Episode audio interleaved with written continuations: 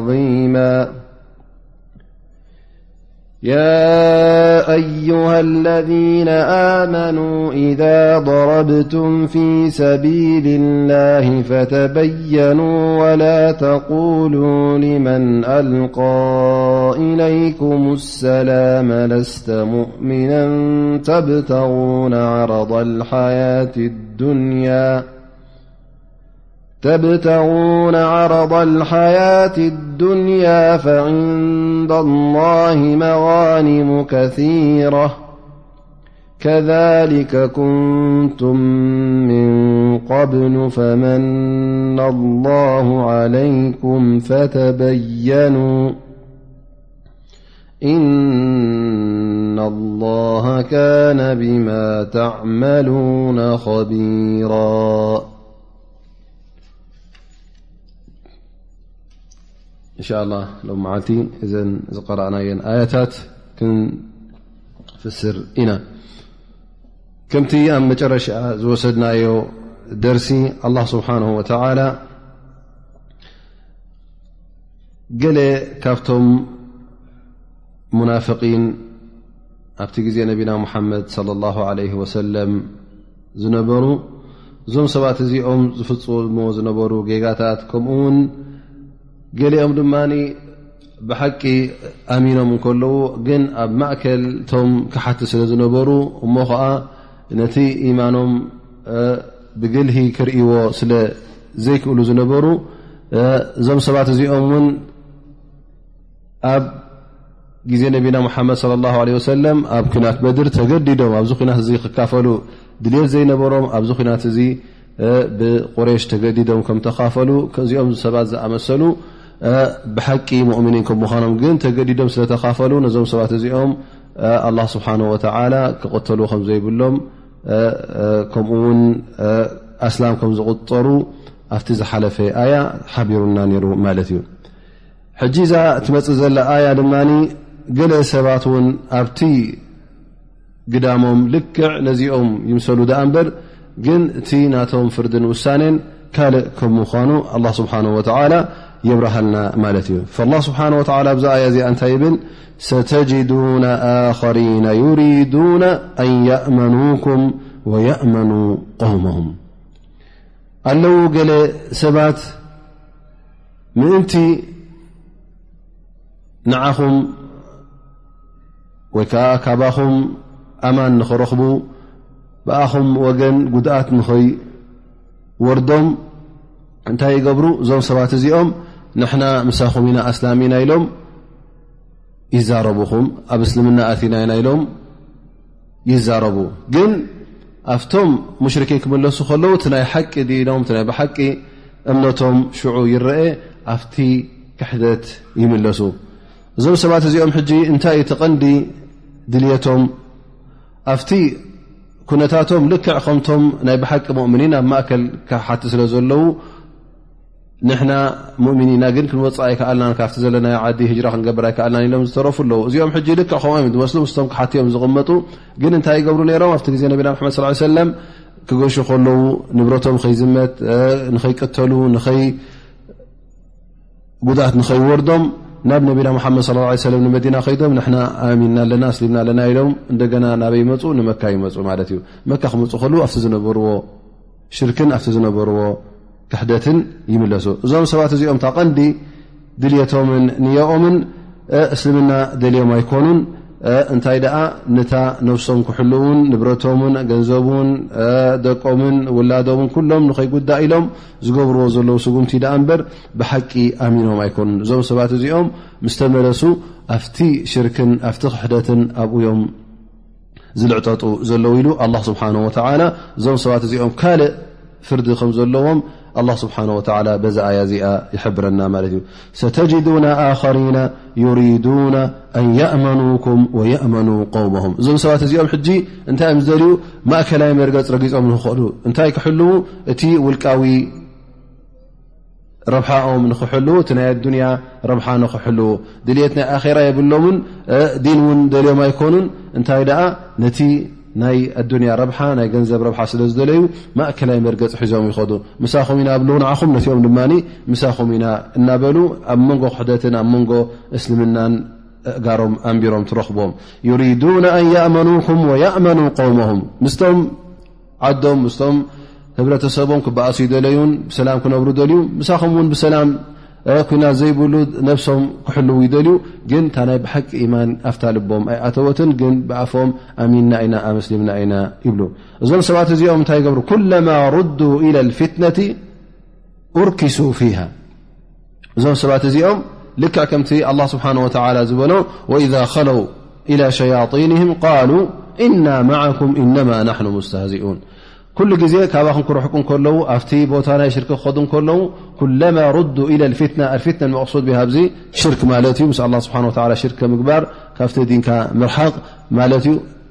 ኣብቲ ሽርኪ ዘለዎ ቦታ ክምለሱ ከለዉ ኣብቲ ሽርኪ ኣብቲ ሽርካ ብጣዕሚ ኣብኡ ይጠልቁን ኣብኡ ይልዕጠጡን ኢሉ ኣላ ስብሓን ወተላ ይሕብረና እዞም ሰባት እዚኦም ናይ ብሓቂ ኢማን ነይሮም ተዝኸውን ኣብቲ ቦታ ሽርኪ ኣብቲ ሽርኪ ዘለዎ ቦታ ክመፁ ከለዉ ኢማኖም ሓቢኦም ወላ ምስቶም ሙሽርኪን ክደጋገፉን ክተሓዋወሱን ኣይምእተራእዩን ነይሮም ብዝከኣሎም መጠን ክረሕቁ ምፈተኑ ነይሮም ግን እዞም ሰባት እዚኦም ፈፂሞም ከምቲ ዝነበርዎ እንተዘይኮይኑ ካብኡ ከምቲ ዝነበርዎም ብዝያዳ እንተዘይኮይኑ ካብኡ ኣይተመሓየሹን ላ ስብሓን ወተላ እዞም ሰባት እዚኦም ልክዕ ከምቶም ሙናፍቒን ኣ ስብሓ ኣብ ግዜ ኣብ መዲና እንከለዉ ምስ ነቢና ሙሓመድ ለ ላ ለ ሰለም መፅኦም ንና ኣሚንና ኢና ኣመስሊምና ኢና ነቶም ኣስላም ክሪዎም ከለዉ ንና ኣስላም ኢና ኢሎም ኣሰላሙ ዓለይኩም እናበሉ ይኸዱ ኣብቶም ብፆቶም ኣብቶም ክሓቲ ክምለሱ ከለዉ ንሕና ምሳኹም ኢና ሱቕ ኢልና ኢና ከነዕሽዎም ኢልና ኢና ንብረትና ክንሕሉ ኢልና ኢና እንታይ ከም ዝገብሩ ውሽጦም ክንፈልጥ ኢና ኢና ኢሎም ናብቶም ኣይሁዳውያን ይኹኑ ናብቶም ሙሽርኪን ምስኦም ከምዚ ኢሎም ክዛረቡ ይርከቡ ወኢዛ ከለው ኢላ ሸያጢንህም ቃሉ እና ማዓኩም እነማ ናሕኑ ሙስተህዚኡን እዚ ሒዝናዮ ዘለና ዲን ነቶም ኣስላም ተኸትልና ንብሎ ዘለና ናይ ለግፂ እዩ ናይ ፀወታይ ዳኣ እንበር ናይ ብሓቂ ኣብ እስልምና ኣቲና ማለት ኣይኮናን ይብሉ ነይሮም ስለዚ ኣብ መዲና ይኹን እቶም ኣብ መካ ዝነበሩ እውን ገለገለ ካብኣቶም ንብረቶም ንምሕላው ዝገብርዎ ዝነበሩ እዩ ذك እብኒ ጀሪር ጠበሪ እዞም ሰባት እዚኦም ኣብ ግዜ ነቢና ሙሓመድ ከም ዝገብሩ ዝነበሩ ይብል ገለ ካብቶም ቁሬሽ ይኹኑ ወይ ከዓ ካብቶም ጥቓድ መካ ዘለዉ ሙሽርኪን ናብ ነቢና ሓመድ ለ ላ ለ ሰለም ንመዲና መፅኦም ንሕና እስልምና ኣቲና ኢና ኢሎም እዛረቡ ምእንቲ ብሰላም ክነብሩ ገለ ጉድኣት ከይወርዶም ከምኡ ውን ክምለሱ ከለዉ ኣብቲ ዝነበርዎ ስለ ዝምለሱ ኣላ ስብሓን ወተላ ነዞም ሰባት እዚኦም እንተ ካብቲ ዘለዎ ዘይተቆጠቡ ካብቶም ሙሽርኪን እተ ዘይረሓቁ ምስ ሙሽርኪን ምስላፍ እተ ዘይገደፍዎ ነዞም ሰባት እዚኦም ኣላ ስብሓን ወተላ ከምዚ ዝኣመሰለ መቕፃዕቲ የውርደሎም ማለት እዩ ፈየቁል ስብሓን ወተላ ፈኢን ለም ያዕተዝሉኩም ወዩልቁ ኢለይኩም ሰለመ ማለት እዞም ሰባት እዚኦም እንተ ብሓቂ ካብቲ ንዓኹም ምውጋእ እንተ ዘይረሓቑ ካብኡ እንተ ዘይተቆጠቡ ከምኡ ውን ብሰላም ንክነብሩ ምሳኹም ሓቀኛ ውዕልን ሓቀኛ ስምምዕን እንተ ዘይገበሩ ወየኩፉ ኣይድየሁም ከምኡ ውን ኢዶም እንተ ዘይኣርነቡ ማለት ኢዶም ምእርናብ ማለት እዩ ኣንፃርኩም ኣብቲ ኩናት ዘይካፈሉ እተ ኮይኖም ኣብቲ ኩናት እተ ምክፋል ዘይገደፍዎ ኣላ ስብሓን ወላ እንታይ ይብል ፈኹም እዞም ከም ዝኣመሰሉ ፈኹም ንክትኣስርዎም እፍቀደኩም እዩ ወቕትሉም ሓይث ተቒፍትሙም ኣብ ዝኾነ ቦታ ኣብ ዝኾነ ሰዓት ኣብ ዝኾነ ግዜ እንተ ኣርኪብኩሞም ነዞም ሰባት እዚኦም ተዋግእዎም ተቓተልዎም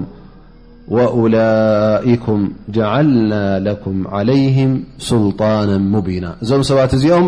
ንኽትቀፅዕዎም ንኽትዋግእዎም ኣላ ስብሓን ወተላ ፍቓድ ሂብኩም እዩ ፍቓድ ሂብናኩም ኢና ፍቓድ ብሩህ ዝኾነ ፍቓድ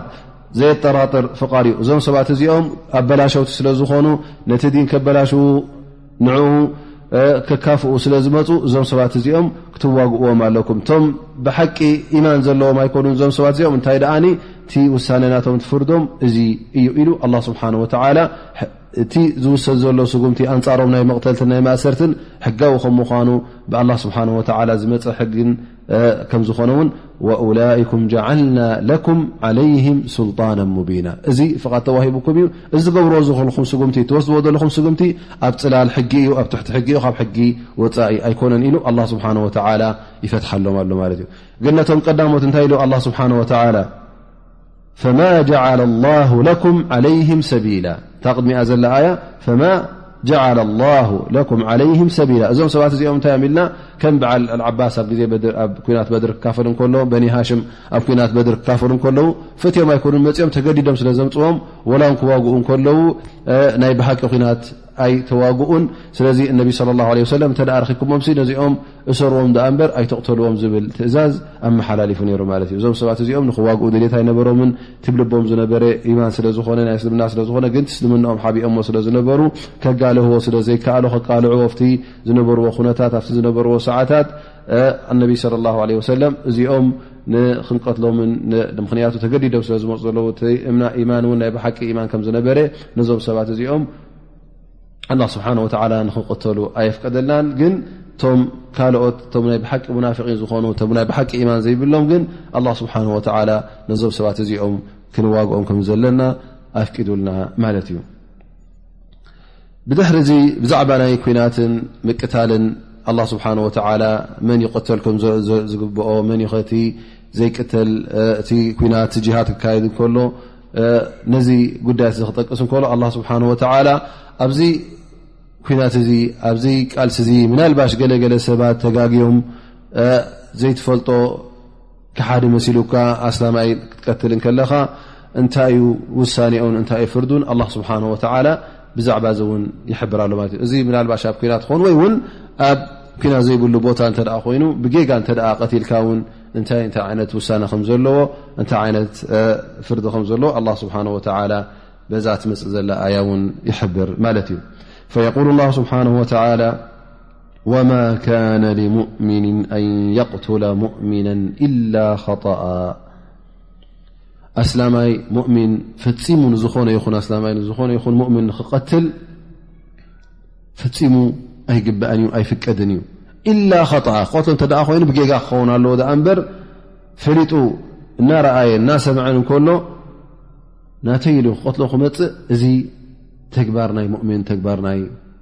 በዓል ኢማን ኣይኮነን ምኽንያቱ ኣብ መንጎ ክልቲኦም ዓብ ሕውነት እዩ ዘሎ ክልቲኦም ክተሓባበሩ ኣንፃር ፀላእኦም ዘለዎም ዳኣ እምበር ክልቲኦም ነንሕዶም ክዋግኡ ነንሕዶም ክናቆቱን ክሕዶም ክቀታተሉን እዚ ዓብዪ ወንጀል እዩ ዓብዪ ጌጋ እዩ ኣላ ስብሓን ወተላ እዚ እውን ኣብ ክታቡ ኣብ ቁርን ይኹን ከምኡ ውን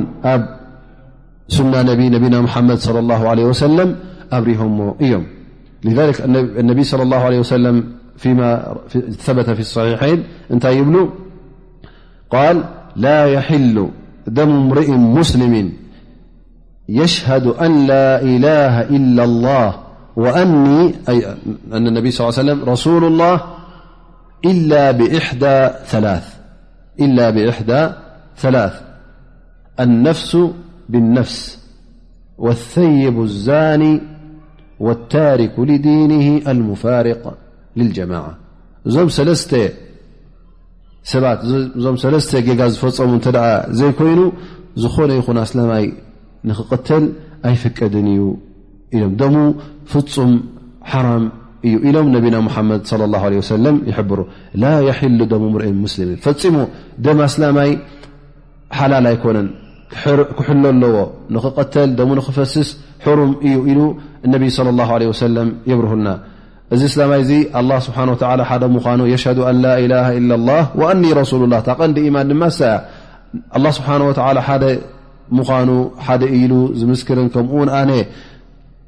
መሓመድ صለ ላه ለ ሰለም ልኡኽ ኣላ ከም ምዃነይ ዝመስከረ ኣስላማይ ሙእሚን ስለ ዝኾነ እዚ ሰብ እዚ ደሙ ሓራም እዩ ፈፂሙ ንክቐተል ኣይፍቀድን እዩ ኢላ ሰለስተ ነገራት እንተ ደኣ ፈፂሙ ግን ደሙ ንክቐተል ሓራም ይኸውን ቀዳማይ ኣነፍሱ ብነፍስ እንተ ደኣ ሰብ ቀትሉ ንክቐተል ሕጂ ማለት ክቀትል ከሎ ውን ብጌጋ ይኮነ ቀትሉ እታይ ፈሊጡ ቀትሉ ዩ በር ብጌጋ ቀትሉ ውን ኣይቅተልን እዩ ስለዚ ኣነፍሲ ብነፍሲ ብጋር ነፍሲ ብነፍሲ ምቕታል እተ ተታሒዙ ንክቅተል እተ ተፈሪዱ ታደሙ ሓላል ትኸውን ማለት እዩ ምክንያቱ ደም ስለ ዘፍሰሰ እሱ ውን ዕዳኡ ይኸፍል ማለት እዩ ካልኣይ ወሰይቡ ዛኒ ዘማዊ ሰብ ማለት ተመርዕዩ ክንዲ ሰብ ኣኺሉ እዚ ሰብ እዚ እንተ መርዓ ዝፈተነ ዘምዩ ጓል ሰይቲ ትኹን ወተባዕታይ እዚ ሰብ ዚ ትፍርዱ መቕተልቲ ማለት ብእምኒ ክድብደብ ስለ ዝኾነ እዚ ድማ ካልኣይ ነጥቢ ይኸውን ሳልሳይ ወታሪኩ ሊዲን ኣልሙፋርቁ ልጀማዓ ከምኡ ውን ሓደ ሰብ ኣስላማይ ነይሩ መንገዲ እስልምና ሕዝ ነይሩ ካብ እስልምና ካልእ ሃይማኖት ከናዲ ከይዱ እሞ ሃይማኖት እተ ቀይሩ ዲኑ እተ ቀይሩ ካብ እስልምና ናብ ካልእ ዓይነት ዝኾነ ይኹን ዲን እንተ ቀይሩ እዚ እውን ደሙ ንክፈስስ ሃደር ይኸውን ማለት እዩ ስለዚ እዘን ሰለስተ ነገራት እ ዘይፈፀመ ደሙ ክቡርን ሕልውን ኮይኑ ይነብር ይብሉ ነቢና ሙሓመድ ለ ላ ለ ወሰለም እዚ ክበሃል እንከሎ ድማ እዚ ጉዳይ እዚ ኣብ ግብሪ ዝፍፅሞን ዘውዕሎን መን እዩ ይዋ እቲ ፈራዲ ዘሎ እቲ መራሕ ናይ ዓዲ ዘሎ እቲ ኣሚር እቲ ኢማም ዝበሃል እሱ ደኣ እምበር ኣነ እስኻ ዝኾነ ይኹን ተራ ህዝቢ መፅኡ እዚ ሰብ እዚ ዘምዩ ኣነ ርእ ኹ ዝሙ ኢልካ ዋላ እውን ዓሰርተ መሰኻኽር ይሃለዉካ መፅእካ ባዕልኻ ክትቀትሎ ኣይፍቀደካን እዩ ወይ ከዓ እዚ ሰብ እዚ ሙርተድ እዩ ካብ ዲኑ ንድሕሪት ኣድሓር ሒሪኡ እስልምና ገዲፉ ካልእ ዲን መሪፁ ናብኡ ከይዳ ኣሎ ኢልካ ባዕልኻ መፅእካ ብጥይት ኮይኑ ብሴፍ ኮይኑ ክትቀንጥቦን ክንቀትሎን ኣይፍቀደካን እዩ ከምኡ ውን ዋላ እውን እዚ ሰብ እዚ ነፍሲ ዝቀተለ ምኳኑ እናፈለጥካ ሰብ ክቀትል እውን ርኢኻዮ እሞ መሰኻኽር ኣለውካ ኩሉ ኣለካ እዚ ሰብ እዚ እውን ባዕልኻ ንክትቀትሎ ኣይፍቀድን እዩ እንታይ ደኣ ብመራሒ ሃገር ብኡ ክውሰን ኣለዎ ምክንያቱ እተ ንኩሉ ሰብ ነዚ ነገር እ ንክፍፅም ነዚ ፍርድታት እ ንክፍፅም ባዕሉ ብኢደ ወነኑ እተ ተፈቂድዎ ተዓዲ እንታይ ክኸውን ማለት እዩ ፈውዶ ክኸውን ማለት ዩ ሕትካ ምቀታል ክመፅእ ማለት እዩ ኣነ ርዮ ኣነ ከምዚ ክገብር እሞ ዝኮነ ሰብ ክቀትለካ እተ ደልዩ ኣነ ከምዚ ክገብር እየ ኢሉ ክቐትለካ እዩ ማለት እዩ ስለዚ እቲ እስልምና እዚ ንዚ ከምዝኣመሰለ ፍርድታት ክህብ እንከሎ ከም ድላይካ ኣይኮነን እንታይ ደኣ መስርዑ ዝሓዘን ብሕጊን ክኸውን ኣለዎ ኣ እምበር ካብ ሕጊ እንተ ወፅኡ ፈፂምካ ነቲ ህብረተሰብ ከበላሽዎን ነቲ ህብረተሰብ ብዝያዳ ሕንፈሽፍሽ ክእትወሉ እተ ኮይኑ ነዚ ነገር እዚ ይኽልከል ማለት እዩ ይእገድ ማለት እዩ እዛ ኣያ እዚኣ ድማ ዝወረደትላ ዑለማء ዝጠቀስዎ ብዙሕ ዛንታታት ኣሎ ማለት እዩ ካብ ሓዲስ ነቢና ሓመድ ص ه ሰለ ካብቲ ሲራ ናይቶም ኣስሓብ ነቢ ص ه ለ ወሰለም ዝመፀ ምናልባሽ ሓንቲ እውን ኣይትኸውንን ብዙሕ እዩ ገለ ዑለማ ዝጠቀስዎ እቲ ጉዳይ ውን እቲ ጌጋ ውን ሓንሳ ክልተሻ ስለሻ ጥራይ ዘይኮነ ብዙሕ ግዜ ስለተረኸበ ኣላ ስብሓን ወተላ ነዚ ጉዳይ እዚ እውን እንታይ ከም ምኳኑ ፈውሱ እንታይ ከም ምኳኑ ቶባ መበሊኡ ንክሕብር ኣላ ስብሓን ወተላ እዛ ኣያ እዚኣ ኣውሪዱ ገለ ዑለማ እብሉ ሓደ እዛ ኣያ እዚኣ ናታ ሰበብ ወይ ከዓ ጠንቂ ክትወርድ ኣላ ስብሓን ወላ ካብ ኣላ ስብሓ ወ ንክትወርድ ጠንቂ ዝኾነ ይብሉ ሓደ ዓያሽ እብን ኣብ ረቢዓ ዝበሃል ነይሩ እዚ ሰብ እዚ ንሓደ ይቐትል ማለት እዩ ክቐትሎ ከሎ ሕጂ ኣበዩ ኣብ ፈትሕ መካ ቀትሎ እንታይ እቲ ምኽንያት መቕተሊኡ ገና እዚ ዓያሽን ከምኡውን ሓውን ኣብ መካ ከለዉ እዚ ሰብ እዚ ክሓዲ ስለ ዝነበረ የሳቅዮም ነይሩ ማለት እዩ ክሳቅዮም ፀኒሑ እሶም ካብ መካ ሃዲሞም ይወፁ ማለት እዩ ካብ መካ ምስ ወፁ እንታይ ገብር ዝዓያሽ እዚ ነዚ ሰብ ዚ ድሕሪ ሕጂ ተረኪበስ ክቐትሎ ኢሉ ይህቅን ማለት ነይሩ ምክንያቱ ብጣዕሚ ስለ ዘሳቅዮም ብሰንኪ እስልምና ኣብ ልቡ ዓብይ ቅርሕንቲ እዩ ሒዙ ነይሩ ማለት እዩ ፈትሒ መካ ምስ ኮነ ሕጂ እነቢ ስለ ላ ሰለም ንመካ ምስ መፁ ምስቶም ዓስከሮም ንመካ ክቆፃፀሩ ከለዉ እዚ ዓያሽ ንመን ይረኽቦ ነዚ ሰብ ዚ ሓርስ እብኒ የዚድ ዝበሃል እዩ ነይሩ ንኡ ይረኽቦ ምስ ረኸቦ ኣምፅ ኣቢሉ ይቀትሎ ማለት እዩ ክቀትሎ ከሎ እዚ ሰብ ዚ ከም ዘመስለመ ኣይፈለጠን ነይሩ ማለት እዩ እበር ብድሕሪኡ ዓምር እዚ ዓምር ዘሳቅዮም ዝነበረ ካብቲ ዝነበሮ ክሕደት ካብ ዝነበሮ ሽርኪ ቶባ ኢሉ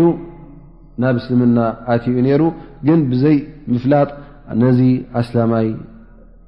ይቐትሎ ማለት እዩ ከይተፈለጦ ከሎ እዚ ምስ ተረኽበ ኣላ ስብሓን ወተላ ነዚ ጉዳይ እዚ ብጌጋ ዝቐተለ ሰብ እንታይ ፍርዱ እንታይ እዩ እቲ ካብኡ ዝድለ ኣላ ስብሓን ወተላ እዚ ኣያ እዚኣ ኣውሪድ ይብሉ ገለ ኣሓዲስ እውን ዝመፀ ኣሎ ብዛዕባ ናይ ኡሳማ ብኒ ዘየድ ሓደ ግዜ ንሓደ ክቐትሎ ከሎ ላኢላሃ ላ እናበለ ቀትልዎ እነቢ ስ ሰለም ስለምንታይ ቀትልካዮ ምስ በልዎም እንታይ ብል ላላ ለላ ዝበለስ ምእንቲ ከይቅተል ኢል ኣ በር ካብ ልቡ ይኮነን ኢሉ ይምልስ ማለት እዩ ነቢ صለ ه ለ ሰለ ሃላ ሸቀቕታ ን ቀልቢ ልቡ ጨዲድካ እንታይ ከም ዘለዋ ርኢኻያ ዲካ ትዛረብ ዘለካ እዚ ሰብ እዚ ላላ ለላ ኢሉ ኣነ ስላማይ እ ኢሉካ ክትገድፎ ነሩካ ይብ እዚ ቕሳ ድማ ወይዓ ከምዝኣመሰለ ዛንታ ውን ን ኣብደርዳ ኣብደርዳ ከምዚ ጌጋ ከም ዝፈፀመ ገለገለ ሓዲስ መፅኡ ማለት እዩ ስለዚ እዚ ከምዚ ዝኣመሰለ ጌጋታት ምስ ተረኸበ ኣላ ስብሓን ወተዓላ ነዚ ጌጋ እዚ ከመይ ገይሮም ቶባ ከም ዝብልሉ ነዛ ኣያ እዚኣ ኣውሪዱ ማለት እዩ ፈቃል ላ ስብሓን ወተላ ወማ ካነ ልሙእምን ኣን የቕትላ ሙእምና ኢላ ኸጣ ቀዳማይ ነገር ኣስላማይ ወይ ከዓ ሓደ ሙእምን ንሓደ ሙእምን ክቐትል እንከሎ ብጌጋ ተዘይኮይኑስ እናፈለጠ ከሎ ክንቀትሎስ እዚ ካብቲ ኢማኑ ክርሕቕ ኣለዎ ዳኣ እምበር ናይ ብሓቂ ኢማን ዘለዎ ኣስላማይ ሲ እዚ ጉዳይ እዚ ክፍፅሞ ኣይክእልን እዩ ክፍፅሞ እውን ኣይግባእን ኢሉ ኣላ ስብሓን ወተላ ይሕብር ግን ምናልባሽ እዚ ነገር እዚ ይርከብ ወመን ቀተለ ሙእሚና ጣኣ ይ ብጌጋ እንተቀተለኸ እንታይ ይኸውን ብጌጋ ሓደ ሙእምን ሓደ ሙእምን ተቀትሉ እንታይ እዩ እቲ ውሳኔኡ እንታይ እዩ ትፍርዱ ፈየቁል ስብሓን ወተላ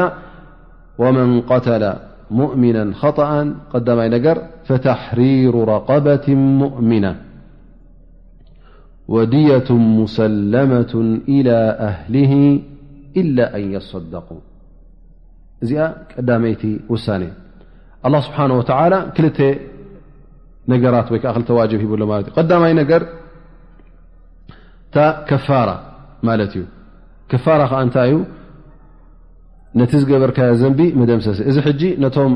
ስድርኡ ይኮነን ዘርኢ እዚ ኣብ መንጎኻን ኣብ መንጎ ኣላ ስብሓን ወተላ ማለት እዩ ነቲ ጌጋኻ ከፋራ ክትገብረሉ መደምሰሲ ክትገብረሉ ወመን ቀተለ ሙእምና ከጠኣ ፈታሕሪሩ ረቀበት ሙእምና ቀዳማይ ነገር ንባርያ ናፃ ክብል ኣለዎ ማለት እዩ እዚ እዚ ባርያ እዚ ድማ ዝኾነ ይኮነ እንታይ ሙእምን ኣስላማይ ዝኾነ ባርያ ክኸውን ኣለዎ ማለት እዩ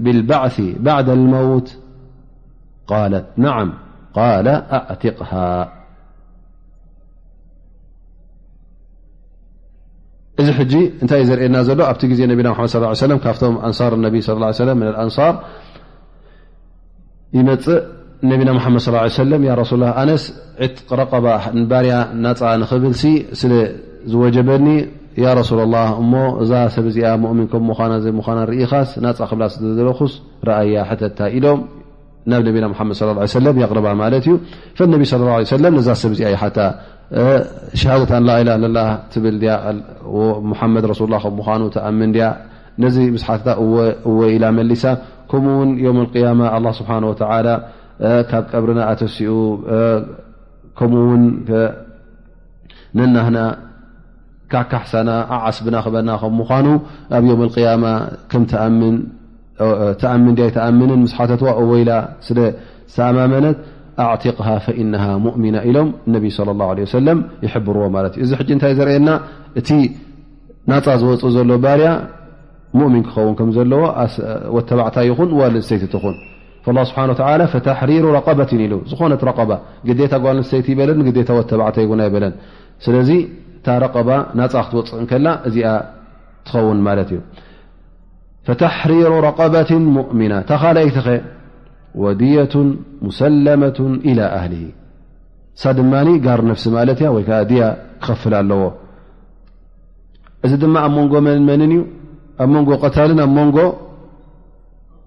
ተቐታሊ ወይ ከዓ ቶም ስድራ ቤት ናይ ተቐታሊ ማለት እዩ እቲኣ ግን ኣብ መንጎኻን ኣብ መንጎ መን እያ ኣብ መንጎ ረብን ነቲኣ መደምሰዚ እዚኣ ድማ ነቶም ስድራ ቤቱ በቲ ዝወረዶም ዓብ ጉድለት በቲ ዝወረዶም ዓብ ሽግር ንኦም ንኸተፍቱ ንኦም ንኸተርዲልካ ዝከኣል ንብረት ንኽትቦም ማለት እዩ እዚ ንብረት እዚ ድማ ኣብ ግዜ ነቢና ሓመድ ص ሰለ ትቐንዲ ነቢና ሓመድ ص ሰለ ፍርዲ ዝሃብሉ እንታይ እዩ ነይሩ ኣግማል እየን ዝወሃባ ነረን እቲ ሓደ ድያ ሚእቲ ገመል ይወሃብ ነይሩ ማለት እዩ እቲ ሚእቲ እውን ኣብ ሓሙሽተ ይምቀል ማለት እዩ ሓሙሽተ ክምቀል እንከሎ እተን ኣግማል ኣብ ዕድሚኤን ዝተፈላለያ ኩለን ሓደ ዕድሚ ዓበይቲ ኣይኮና ኩለን እውን ንኣሽቲ ኣይኮናን እንታይ ዳኣ ብሉ ዕስራ እንታይ ክኾና ኣለወን ኣብ ሓሙሽተ ምቀላ ዕስራ በናት ለቡን እብልወን ብንት ለቡን እሳ ከዓ ወይ ከዓ ብታ ዝንኣሸት ንጀምር ዕስራ ብንት መኻብ ብንት መኻድ ማለት ዓመት ዝገበረት ማለት እዩ ዓመት ኣኪ ናብ ካልኣይ ዓመት ዝኣተወት ብንት መኻድ ስለምንታይ ተሰሚያ ብንት መኻድ ምስ ታሽሙ ክነ ተኣሳስራ ብንት መኻድ ክብልዋ ከሎ ቀዳማይ ነገር ጓል ኣንሰይቲ ማለት እያ ገመል እታ ገመል ኣንሰይቲ ክትከውን ኣለዋ ዒስራ በናት መኻድ ብንት መኻድ ክብለካ ከሎ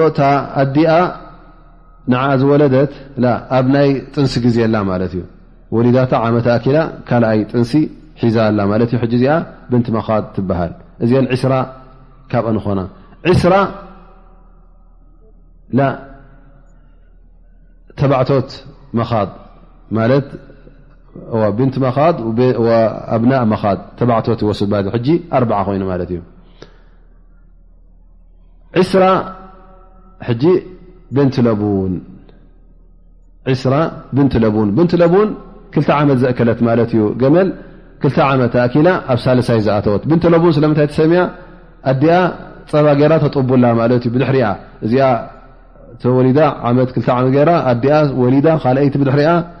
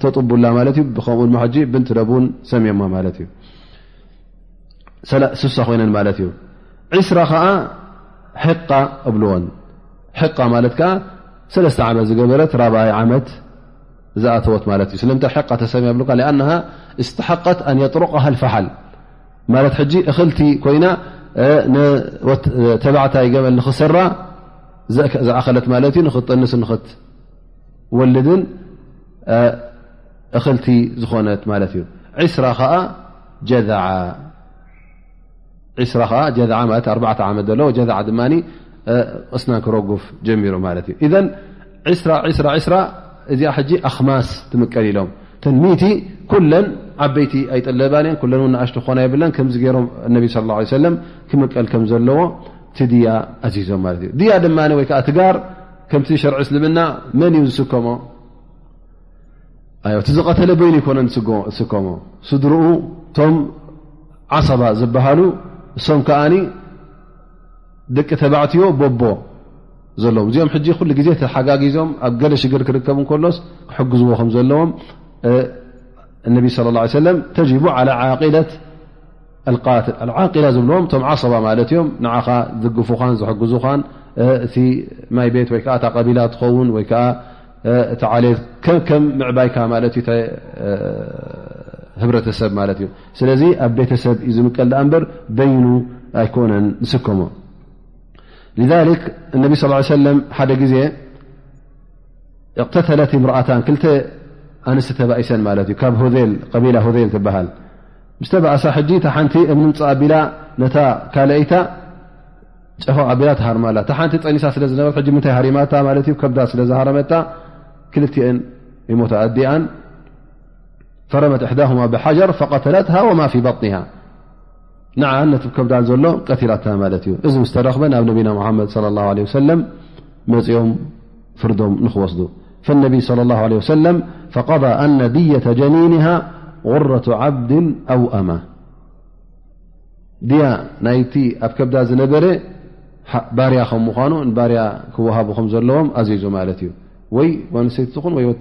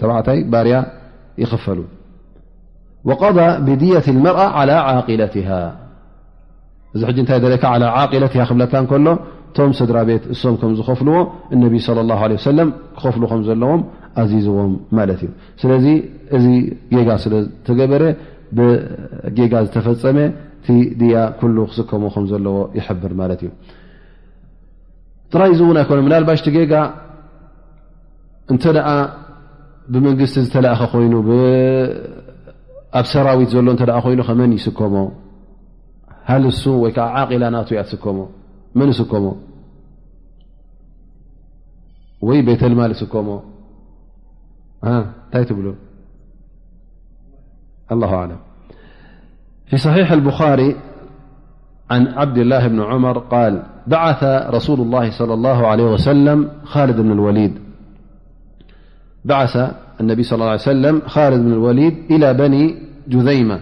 فدعاهم إلى الإسلام فلم يحسنوا أن يقولوا أسلمنا فجعلوا يقولون صبأنا صبأنا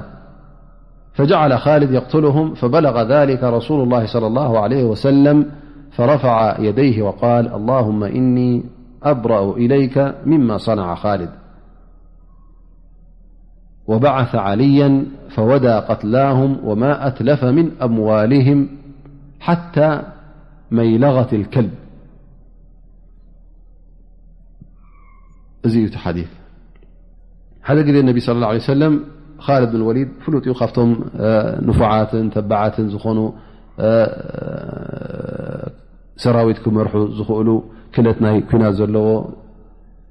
ሰሓቢ ነይሩ ማለት እዩ እዚ ሰሓቢ እዚ እቲ ተኸታሊ ነቢና ሓመድ ለ ላ ለ ወሰለም ሓደ ግዜ ነቢ ስ ሰለም ናበይ ይሰዶ ናብ በኒ ጁዘይማ ደቂ ጁዘይማ ዝበሃሉ ቀቢላ ናብኦም ሰዶ ማለት እዩ ምእንቲ ምንታይ ናብ እስልምና ንክፅውዖም ማለት እዩ ከመስልሙ ከም ዘለዎም ማለት እዩ ስለዚ ኣብ እስልምና ንዑ ኣስልሙ ኢሉ ዳዕዋ ምስ ገበረሎም እዞም ሰባት እዚኦም ኣመስሊምና ክብሉ ወይከዓ ኣስሊምና ክብሉ ኣይከኣልዎን እንታይ ደኣ ሰባእና ሰባእና ሰባእና ማለት ዲና ቀይርና ማለት እዩ ሕጂ ምርድዳእ ኣይተረኸበን እሶም ና ብቀደምና ስናቢና ክብሉ ኦም ሓሲቦም ግን እሶም ነዚ ጉዳይ እ ስለ ዘየብርህሉ እዚኦም እበኣር ይኣብኦም ዘለዉ ኢሉ ኩናት ኸፍት ምስኦም ማለት እዩ ኩናት ምስ ከፈተ ዝቕተል ተቐትሉ ዝመውት ሞይቱ ገንዘቦም ውን ዝበላሽ ተበላሽዩ ዝውሰድ ውን ተወሲዱ ምስ ተመለሰ ወይ ከዓ ነቢ ስ ላ ሰለም ምስ ተመለሱ እቲ ጉዳይ ከመይ ከም ተረክበ ምስ ተሓበሮም ነቢ ስለ ላ ለ ሰለም እንታይ ኢሉ ኢዶም ኣልዒሎም ኣላሁማ ያ ረብ እኒ ኣብረኡ ኢለይካ ምማ ሰናዓ ካልድ ካብዚ ካልድ ዝገበሮ ኣነ ናፃ እየ ኣነ በሪእ እየ ምክንያቱ ኣነ ኣይለኣኽክዎን እንታይ ባዕሉ እዩ እዚ ጉዳይ እዚ ገይርዎ ተጋግዩ ኢሎም ነቢና ሙሓመድ ለ ላ ለ ወሰለም ናብ ኣላ ስብሓን ወተላ ጥርዓን የመሓላልፉ ብድሕሪ እዚ እንታይ ይገብሩ ንዓሊ ብን ኣብ ጣልብ ረድ ላ ን ፀዊዖም ንዓ ኪዶም እዞም ዓዲ ኬትካ እንታይ እንታይ ከም ተቐተለን እንታይ እንታይ ከም ዝጎደለን ርአ ተቐተለ ጋሩ ክፈሎ ዝተበላሸወ ማል እንተ ኣሎ ኮይኑ ከኣ ማሎም መለሰሎም ኢሉ ንዓሊ ብን ኣብ ጣልብ ይልእኮ ማለት እዩ ነቢ ለ ላ ሰለም ወይከዓ እዚ ሓዲስ እዚ ከም ዝመፃና እንታይ የብል እቲ ተኸፈልዎ ሓታ መይለغት ከልብ እተ ተሰራ መይለغት ከልብ እንታይ ማለት እዩ ከልቢ ዝሰተየላ ማለት እዩ መስተይ ከልቦም እንተ ኣሲሩሎም ነሩ ኮይኑ እሳ እውን ንክትክፈል እነቢ ለ ላ ለ ወሰለም ኣዚዞም ማለት እዩ ስለዚ ተኸፊሎም ድማ እዚ ሕጂ እንታይ እዩ ዘርእየና ቀዳማይ ነገር እንተ ኢማም ወይከዓ መራሒ ዝለኣኾ እተ ኮይኑ እዚ ሰብ እ እተ ገደጌጋ ገይሩ ካብ ቤይትልማል እዩ ዝኽፈል እበረይ ካብ ገንዘቡ ኣይኮነን ዝኽፈል ምክንያቱ ስርዓት ብስነ ስርዓት ተላኢኹ ስለ ዝኸደ እሱ ጋገ ኣሎ እቲ ጌጋ ሕጂ መን እዩ ዝስከሞ ማለት እዩ እቲ ቤይትልማል ፈሊጡ ስለ ዘይገበሮ ብጌጋ ስለ ዝገበሮ ይኽፈል ማለት እዩ ካልኣይ ነገር እንታይ ዘርእየና ዘሎ እቲ ጌጋ ወላ እውን ብደረጃ መንግስቲ እንተ ደኣ ተገይሩ እዚ ጌጋ እዚ እታ መንግስቲ እውን ክትስከሞ ከም ዘለዋ እምበር ከምዚ ሎሚ እንተ መንግስቲ ዘሊባትካ ንመን ኢኻ ትጠርዕ ጠርዖ ነገር የብልካን ፈራህ ረቢ እተ ዘይኮነ ታ መንግስቲ ካብ ረቢ ፈሪሆም እተ መሰልካን ሓቅኻን እተ ዘይሃቡካ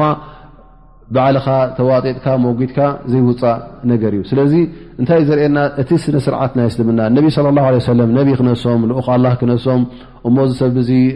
ባዕሎም ልኢኸሞ እንከለዉ ብጌጋ ዩ ገይርዎ ኢሎም ኣብኡ ከለዉ ደብዳቤ ኣስፍ ኢሎም ጥራይ ኣይሰደድሎምን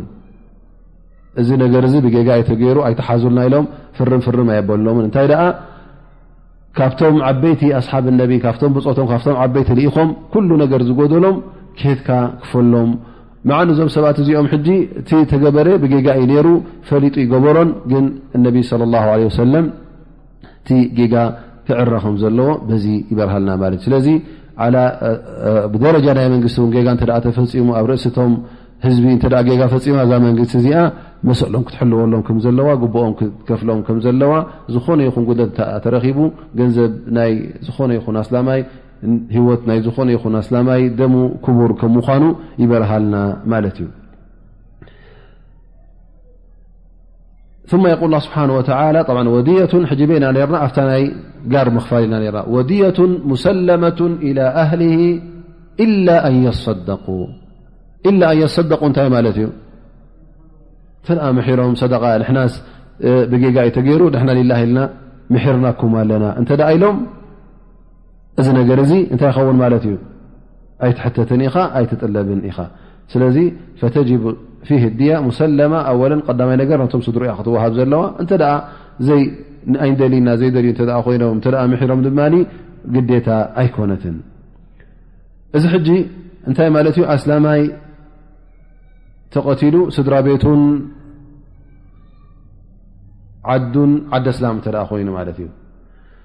እንተ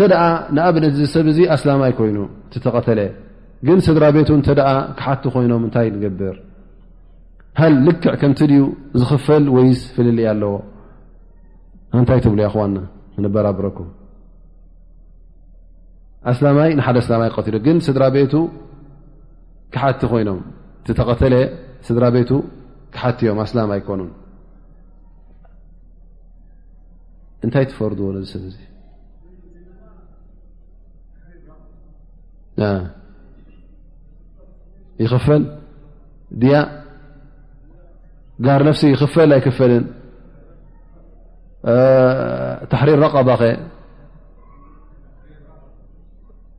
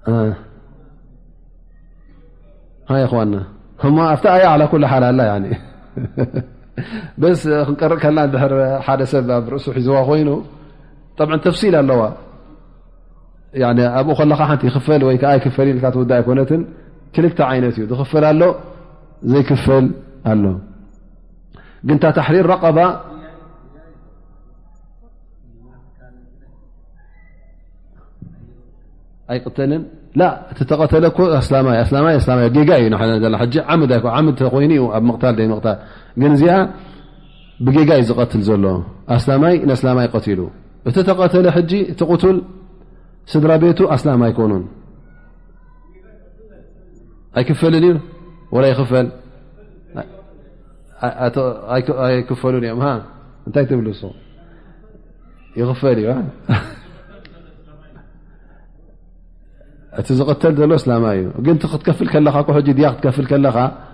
ንመን ኢኻ ትህወቲ ድያ ነቲ ሞት ኣይኮንካ ንሞት ኣይቀበለካ እዩ ኣስላማ እዩ ሓራይ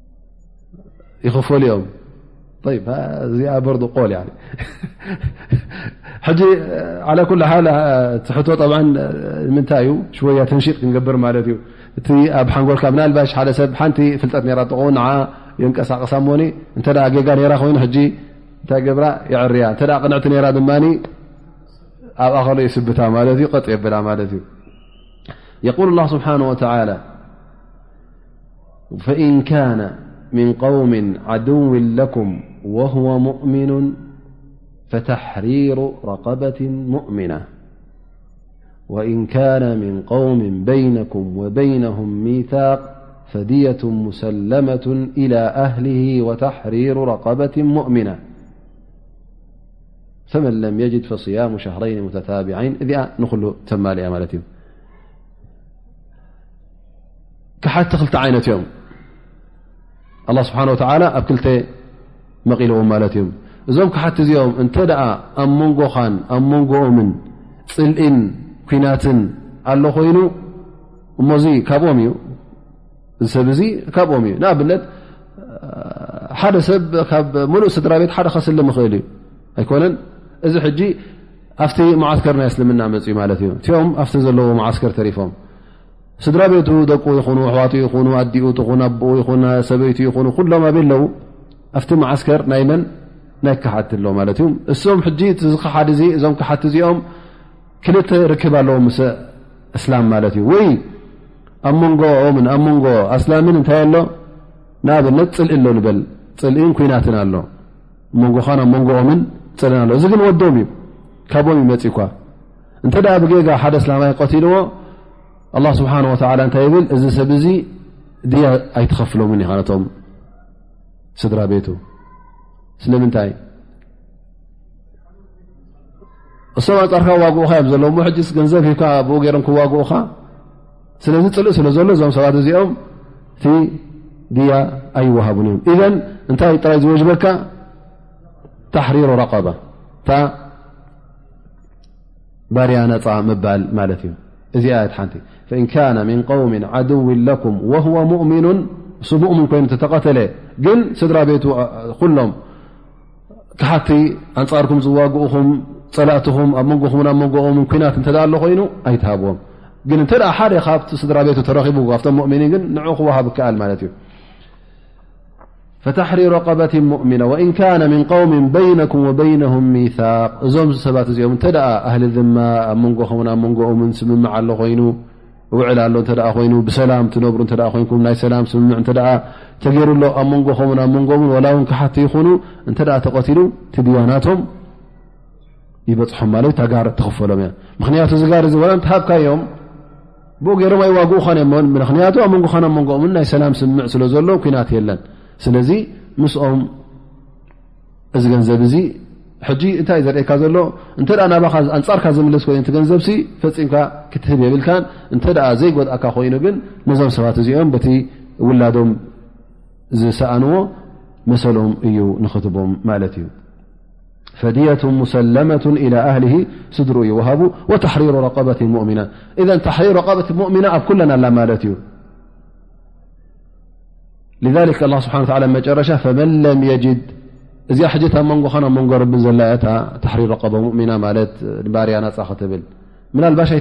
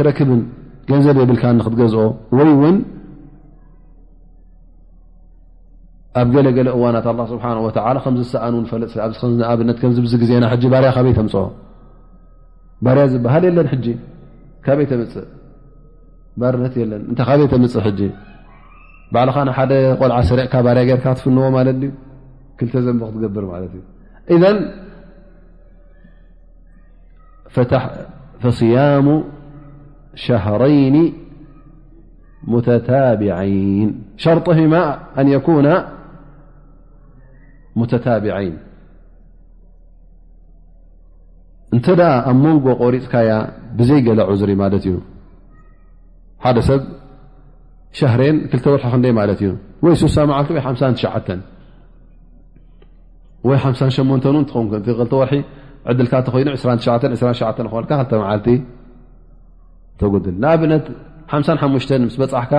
እንተ ኣቋሪፅካዮ እንደገና ብዘይገለ ምክንያት ተ ኮይኑ እዩ ግን ተ ምክንያት ኮይኑ ንኣብነት ሕማም መገሻ ጓል ንሰይቲ ንኣብነት ናይ ወርሓዊ ፅግያታ ናይ ሕርሲ ሕማም ናይ ሕርሲ ሽግር መፂዋ ደም እንተ በዚ ኮይኑ ንክትቋርፅ ሸሪዓዊ ዙር ስለ ዝኾነ ክተቋርፆ ትኽእል ኢኻ ማለት እዩ ወይ ንኣብነት ንክፀውም ሓራም ተ ኮይኑ ማለት ዒድ መዓልቲ ተፍጥር ማለት እዩ ተቋርፃ እንተዘይኮይኑ ፈፂምካ ኣላ ስብሓ ወላ ሻሃረይኒ ሙተታቢዐይን ስለ ዝበልካ እዘን ክልተ ወርሒ ኣከታትልካ መዓልቲ መዓልቲ ክፀመን ትግደድ ሓንቲ መዓልቲ እተ ቆሪፅካያ ብዘይ ገለ ምኽኒት ሸሪዓዊ ምኽንያት ዘይብሉ ከም እንደገና ተመሊስካ ሓደ ትብል ማለት እዩ እቲ ኩሉ ይፈሽል ማለት እዩ ኢዘን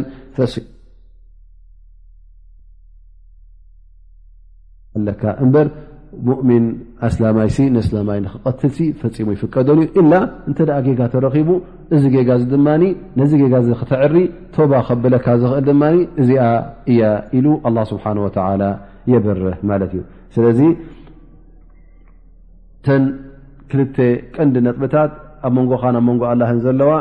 ወይ ዕትቂ ረቐባ ወይ ስያም ዕትቂ ረቐባ እተ ስኢንካ እዚ ሕጂ ዓለልክያር ኣይኮነን እውን ንፈልጦ ዘለና ወይ ወይ ኣይኮነን ወይ ዕትቂ ረቐባ ወይ ስያም ኣይኮነን እንታይ ዕትቂ ረቐባ እተ ተሳኢኑ እተ ይተረኸበ ናበይ ትምለስ ናብ ስያም ትምለስ እዚ ኣብ መንጎኻ ናብ መንጎ ረብድ ማለት እዩ እቲ ኣብ መንጎኻ ናብ መንጎ ስድራ ዘሎ ግን እንታይ ይኸውን ማለት እዩ ድያ ወይ ከዓ ጋር ምኽፋል ማለት እዩ እሱ ድማ ሚእቲ ገመልን ዝኽፈላ ሸክና ሕቶ ኣሎ ን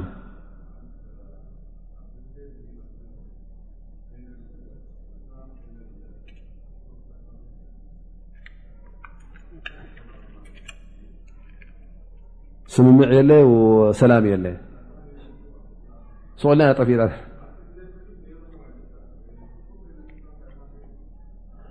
ኣብቲ ግዜ እቲ ንኣብነት እቲ ፈላሊ እቲ ሕዱድ ክልተ ዩ ነይሩ መዓስከር ናይ ኣስልምና ሓደ ዩ ዝቁፀር ነይሩ መዓስከር ናይ ክሓቲ ግን ሓደ እዩ ዝቁፀር ነይሩ ማለት እዩ ግን ሕጂ ብዚ ግዜ እዚ ተሓዋዊሱ ማለት እዩ ሓደቲ እስላማይ ዘይ ኣስላማይን ብሓደ ዓዲ ነብር ብሓደ መንግስቲ ይካየድ ማለት እዩ ቀደም መንግስቲ ናይ ኣስልምና ፍልጥያ ነራ እታ ካልእ ድማ ቶም ክሓቲ ድማ ናቶም መንግስታት ኣለዎም ሰለስተ ኣርባዕተ ይኹና ዓሰርተ ይኹና ናቶም ጉዳይ ግን ናይ እስልምና መንግስቲ ከምቲ ግቡእ ኩላ ሓንቲ እያ ክትከውን ነይርዋ እንተዘይኮነት እውን ኣብ ክልተ ሰለስተ ተመቒላ እውን እታ ናይ እስልምና ፍልጥቲ እያ ነራ እቶም ናይ ካሓቲ እውን ፍሉጣት እዮም ነሮም ሕጂ እቲ መዓስከር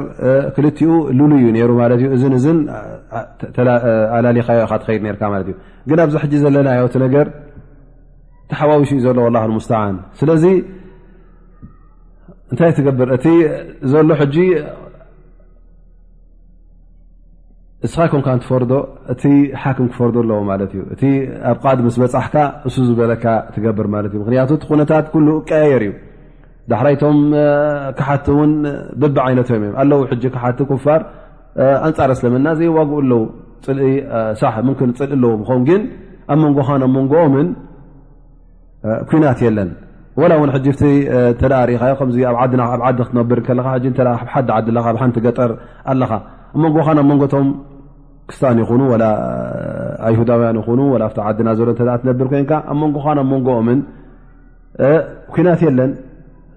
ሓደ ኻ ትነብር ዘለኻ ንኣብነት ኣብ ውሽጢ ዓዲ ኣብ ውሽጢ ከተማ ኣብ ውሽጢ እዚኦም ሕጂ ብሰላም ትኸይዳ ኣለኻ ማለት እዩ እዚኦም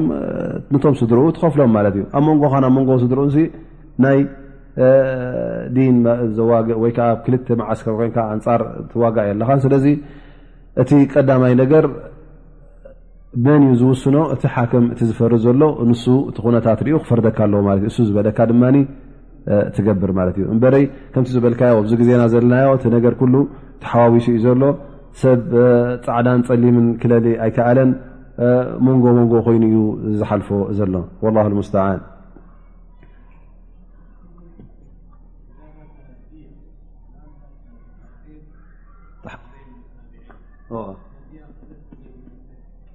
ክለት እሱ ይኮነን ክፍሎ ኢና ድያ በይኑ ኣይኮነን ዝግደድ ኩላ እታ ለሚኖም የምፅ እዚኣ ገንዘቡ ኣይኮነት ከም ዕዳ ማለት እዩ ዕዳ ክትከፍል ኣይከኣልካ እንታይ ትገብር ትቕለት ወላ ለሚንካ ተምፅእ ድላይካ ትገብር ዓ ኩልሓን ምክንያቱ እዚ ኣብ መንጎኻን ኣብ መንጎ ስድራ ቤትን ኣብ መንጎኻን ኣብ መንጎ ሰብን ስለ ዝኾነ እዩ ኣብ መንጎኻን ኣብ መንጎ ረቢ ንኣብነት ትብለኒ እዛ ረቀባ ወይከዓ ባርያ ኣይተረኸበን ኣላ ስብሓ ላ ናበይ መሓላሊፉካ ናብ ስያም ስያም ተዘይከኣልኩ ከምናልባሽ ትብለኒ ስያም ኣይከኣልካን ማዕፉ ኣላ ስብሓን ወተላ ኣይግድደካን እዩ ኣሎ ሰብ ሕሙም ኸውን ንኣብነት በስ ከመይ ገይሩ ከም ዝቐተለ ረቢ ፈልጥ ላኪን ክበልዕ ወይ ከዓ ክፀውም ኣይክእልን ሕማም ኣለዎ እዚ ሰብ እዚ ኣላ ስብሓን ወተላ ላ ዩከሊፉ ላሁ ነፍሰን ኢላ ውስዓሃ እቲ ኣይረኸበን ከን ስያም ኣይረኸበን ካብኣ ናብ ካልእ ኣይሓልፍን ግን እቲኣ ኣብ መንጎኻ ናብ መንጎ ረብን ኣይኮነት እንታይ ደኣ ኣብ መንጎኻን ኣብ መንጎ ሰብ ኩሉ ግዜ ኣላ ስብሓን ወተላ እውን ኣብ ዮም ኣልቅያማ እቲ ኣብ መንጎኻን ኣብ መንጎ ሰብን ዘሎ ማ የተጃወዝ ዓኑ ሸለል ኣይብለካን እዩ ፅባሕ ንግሆ እተ ከይከፈካ ፀኒሕካ ካብቲ ሓሰናት ናትካ ካብቲ ሰናይ ዝገበርከ ካብቲ ኣጅርኻ ይወሃብ ማለት እዩ ሰብ እዙ ኣጅር ተዘይብልካ ድማ ካብቲ ዘንብ ተሰኪሙ ንዓኻ ኣብ ርእሲኻ ይድረብ ማለት እዩ ስለዚ እቲ ጉዳይ ናይ ሰብ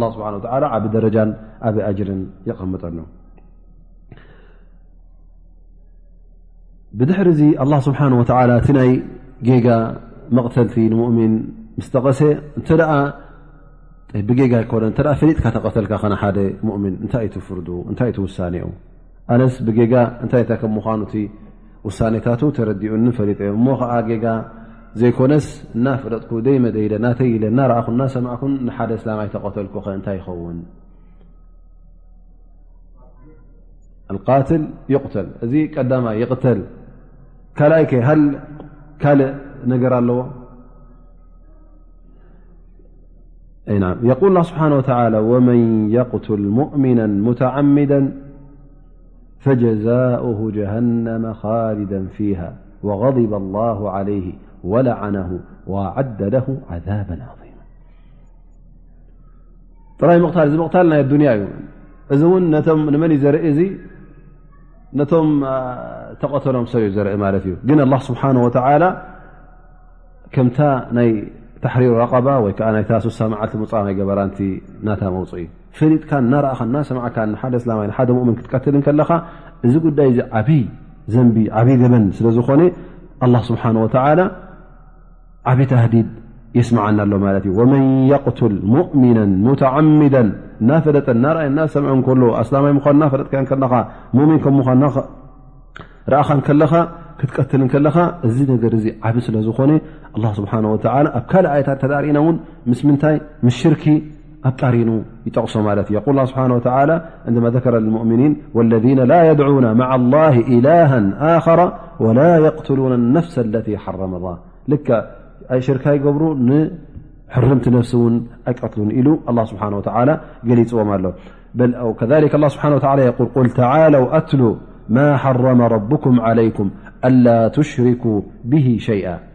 عب نر وبالوالدين إحسانا ولا تقتلو النفس اوة الأنعام وبالوالدين إحسانا ولا تقتلوا أولادكم من إملاق نحن نرزقكم وإياهم ولا تقرب الفواحش ما ظهر منها وما بطن ولا تقتل النفس التي حرم الله إلا بالحق ذلكم وصاكم به لعلكم تعقلون ኢዘን ነፍሲ ንክትቀትል ወይ ከዓ ነፍሲ እስላማይ ንኸተሕልፍ እናረእኻ እናሰማዕካን እዚ ጉዳይ እዚ ምስቲ ሽርኪ ምስ ምስ ኣላ ስብሓ ሽርካ ትገብሩ ምስ ተቃረነ እዩ ጥቓን ጥቓን ማለት እዩ ካብቲ ዲን ንክትወፅእሲ ተቀራሪብካ ማለት እዩ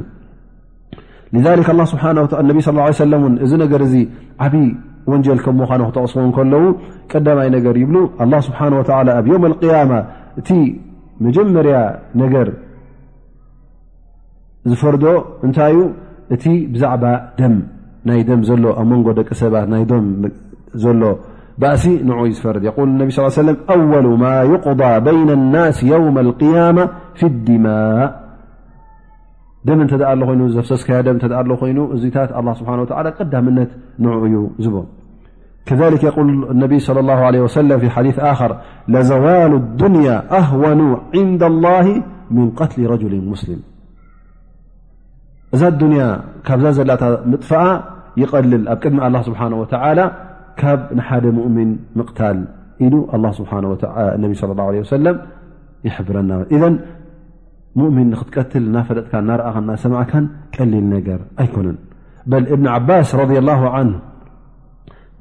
ي قرኡ تمركس سብ قتل ኣብ يوم القيام وب يبل الله سبحانه وعلى م يتجوز عنه إلم لك شرك ዩ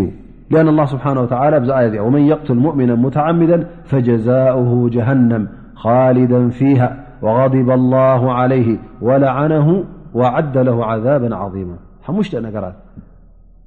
ቀዳማይ ነገር ጀዛ ጀሃንም ጀዛ ና ወይ ከዓ ዓስቡ ጀሃንም እዩ ኣብዚ ጀሃንም ድማ ኻሊደ ፊሃ ቀሊል ግዜ ኣይኮነን እንታይ ኣ ኻሊደ ፊሃ ነዊሕ ግዜ غضብ ላه ለይ ኣ ስብሓ ወ ድማ ኣዝዩ ዝቁጣዓሉ ወለዓነ እንደገና እውን ይረግሞ ኣ ስብሓ ወ ነዚ ሰብ እዚ ኣብ ርእሲኡ ድማ ዓደ ለ ዓዛባ ዓظማ እዚ ኩሉ ኣኻኺቡ ኣ ስብሓ ወ ስለ ዘውረደሉ እንታይ እዩ እብኒ ዓባስ ረ ን እንታይ ይብል ፈፂሙ ቶባ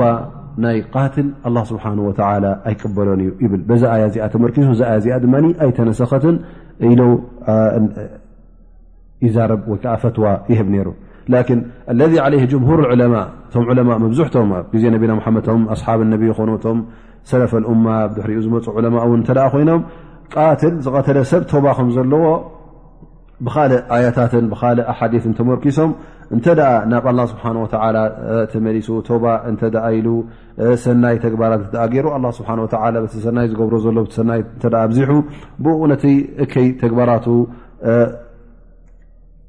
ከፅርየሉን ከራግፈሉን ይኽእል እዩ ነቶም ተቐተሎም ድማ ኣላ ስብሓ ወላ ኣብ ዮም ቅያማ ብዝበለፀን ብዝሓሸን ብልጫ ካብቲ ናይ ኣዱንያ ነገር ካብቲ ናይሰብ ዙ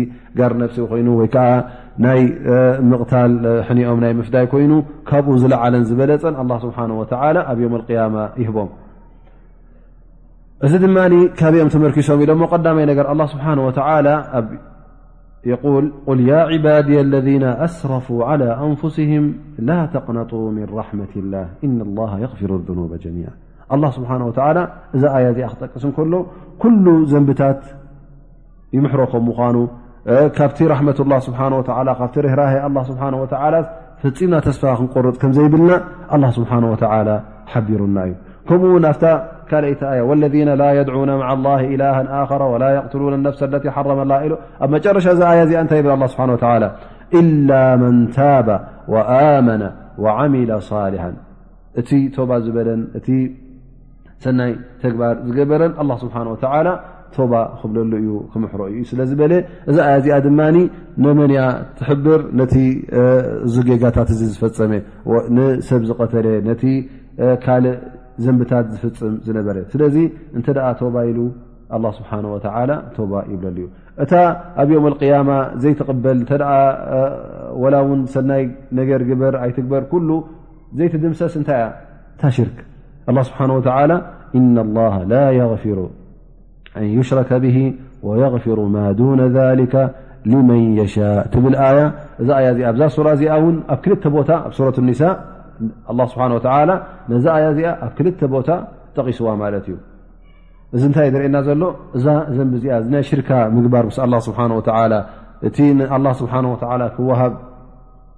ዝግብኦ ዒባዳ ኮይኑ ክወሃብ ዝግባእ ኣምልኾት ንኣላ ገዲፍካ ንካልእ ሽርካ ክትገብር ከለኻ ወይ ከዓ ምስ ኣላ ጨሚርካ ነቲ ናይ ኣላ ክትህቦ ከለኻ ኣብዚ ሰዓት እዚ እዚ ዩ ዘይምሓር እዚ ነገር ዚ እናገበርካ ዋላ ውን ሰናይ ሰደቃ ሃብ ዋላ ውን ሰላትካ ኣብዝሕ ዋላ ውን ካልእ ነገራት ኩሉ ፀፅቡቑ ግበር እንተ ሽርክ ኣሎ ኮይኑ በዚ ሰናይ ትገብሮ ዘለካ ነዚ ሽርክ እዚ ክድምሰስ ኣይክእልን እዩ ግን እንተ ናይ ነፍሲ ምቕታል ኮይኑ ኣላ ስብሓን ወተላ ክቐፍራ ከም ዝኑ ከም ምኳኑ እዚ ይሕብረና ከምኡ ውን ተባ ኣ ስብሓ ወላ ይብል ከም ምኳኑ ዝሕብር ከምቲ ኩሉ ግዜ ንሰምዖ ኣብ ታሪክ ናይ በኒ እስራኤል ሓደ ካብቶም በኒ እስራኤል ተ ትሸ ነፍሲ ቀትሉ ናብ ሓደ በዓል ዒባዳ ፈራህ ረቢ ኢሉ መፅኡ ኣነስ ከም ከም ትሸዓተ ቀትለ እሞ ሕጅስ ኣላ ስብሓን ወላ ተባብለለይ ዩ ይቕበልለይ ኢሉ ምስ ሓተቶ እስኻ ደ ትሸዓተ ቀትልካ እንታይ ተባ ክብለልካ ኢሉ ምስ ተዛረቦ እሞ እንታይ ተባ ካብ ዘይብላስ ንዓኻ ውን ሓደ ኣባል መመላእታ ክገብረካ ኢሉ ሚቲ ቀትልዎ ማለት እዩ ብድሕሪኡ ድማ ተጣዒሱ ንሓደ ዓለም ፈላጥ ዲን ዝፈልጥ ምስ ሓተት ኣላ ስብሓን ወተላ እውን ኣብኡ ክሕግዘካ ዩ ቶባ ክትብል ኢኻ ምስ በሎ እዚ ሰብ እዚ ተበጊሱ ካብታ ዘለዎ ዓዲ ናብታ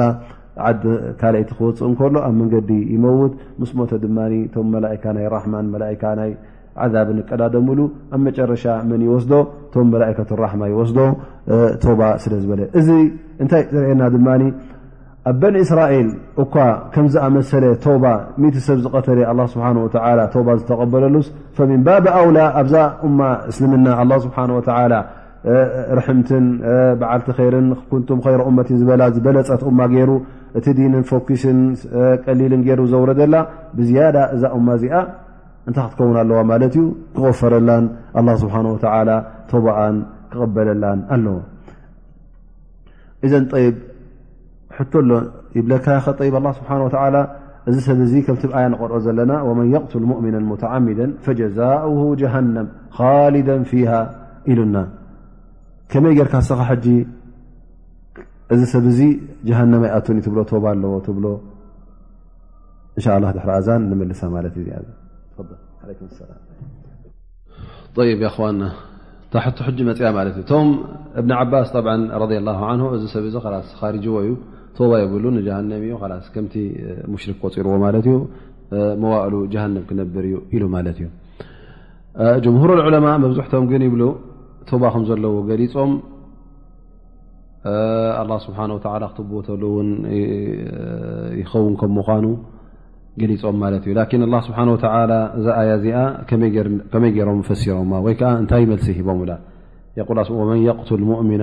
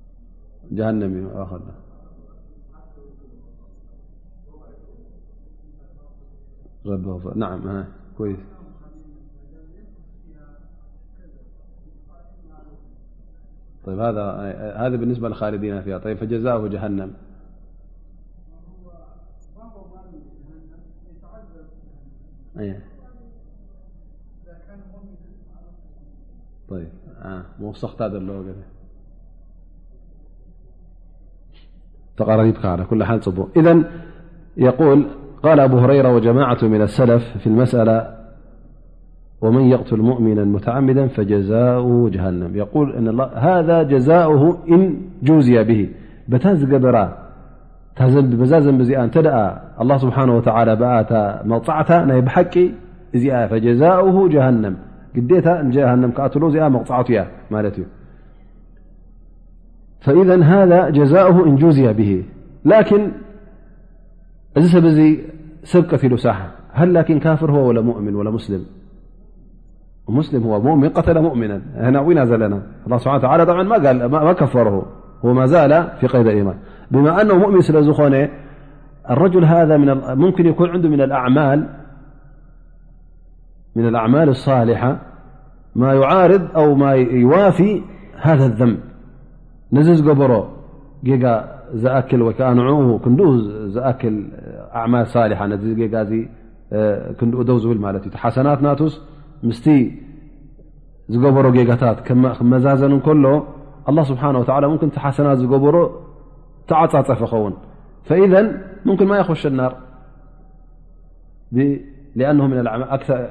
ክታር ና ኣማል ሳል ፍሩ ቅድሚ ሰውኣን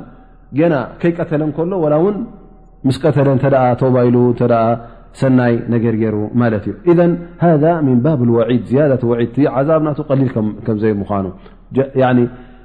ሰብ ዝቀትል ትኽሉ ጀሃንም ከምዝኣ ስብሓ ቀንዲ ወይዓ ናይ ብሓቂ መቕፃዕቱ እዚኣ እያ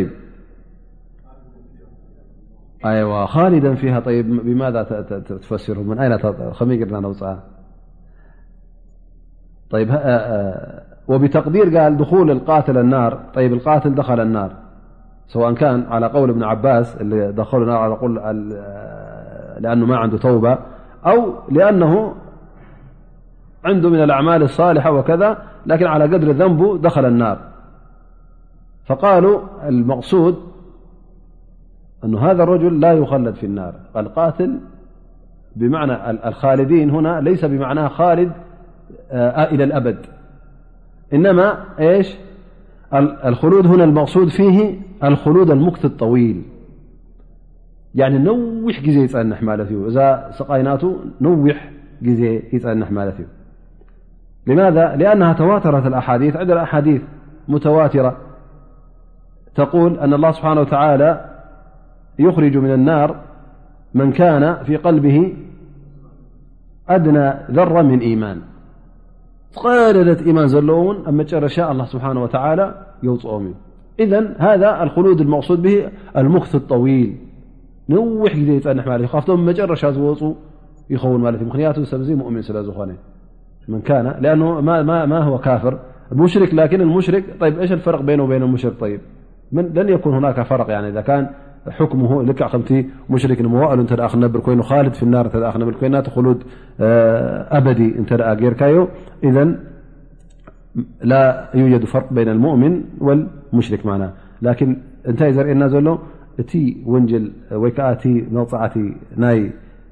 ሓደ እስላማይ ምቕታል ቀሊል ከም ዘይምዃኑ ኣብቲ ናይ ሽርክ ከም ዝቀራረብ ነዊሕ ግዜ ኣብ ጀሃንም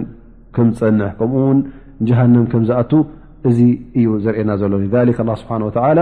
ንደቂ ሰብ ከፈራርሆምን ብዝያዳ ከጠንቅቆምን እዚ ወንጀል እዚ ቀሊል ከም ዘይምኳኑ እቲ መቕፃዕቲ እውን ዓብ ከም ምኳኑ ኣላ ስብሓ ወላ ይሕብረና ማለት እዩ እዘን ካብዚ ጉዳይ እዚ ኣላ ስብሓ ወላ ክሕልወና ድዓ ንገብር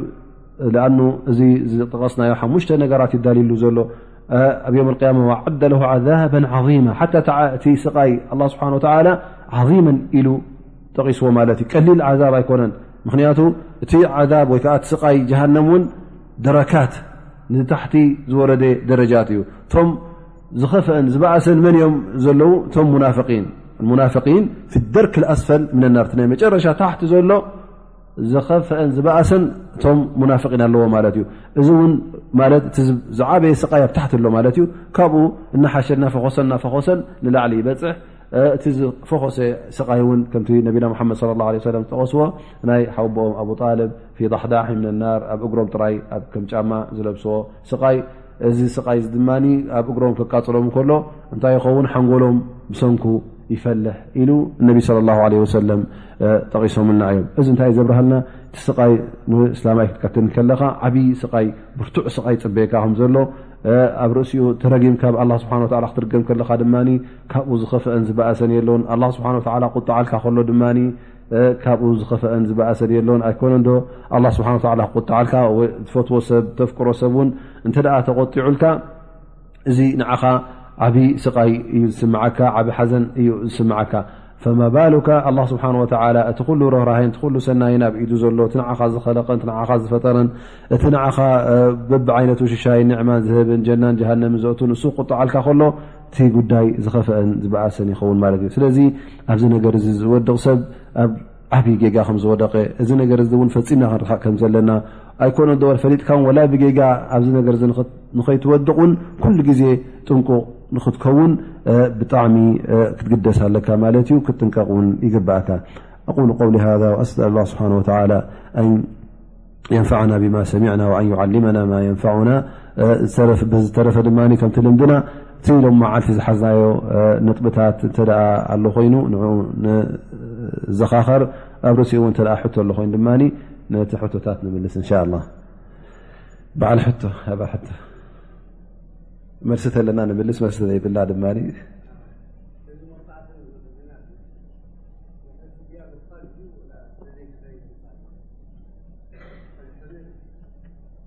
እቲ ናይ ድያ ዝበሃል ዘሎ እቲ ብጌጋ ዝቀትል እዩ ብጌጋ ዝቀተለ እዚ ሰብ እዚ ሕጂ ክልተ ዓይነት ኣለዎ ኢልና ድያ ይኸፍል ጋር ነፍሲ ይኸፍል ከምኡ ውን ፆም ኮይኑ እታ ናይ ዕትቅ ረቀባ ማለት ባርያ ናፃ ክብል እንተዘይረኪቡ ድማ ረመዳን ይፀውም ኢልና እዚ በይኑ እዩ እዚ ሙተዓምድ እዩ እዚ ናተይ ኢሉ ዝቀትል ዘሎ ሰብ እዩ እዚ ሕጂ ድያ ይጠቕሞን እዩ ድያ ኣይዓፀሉን እዩ እላ እቶም ሰባት እቲኦም እተ ምሒሮም ማለት እዩ እተ ምሒሮም ኣይቅተልን ማለት እዩ እተ ምሮም ሳሚሕናዮ እተ ኢሎም እዚታት ግን ብጌጋ እውን ዝቀትል እውን እተ ምሕሮሞ ካብቲ ድያ ይመሓር ማለት እዩ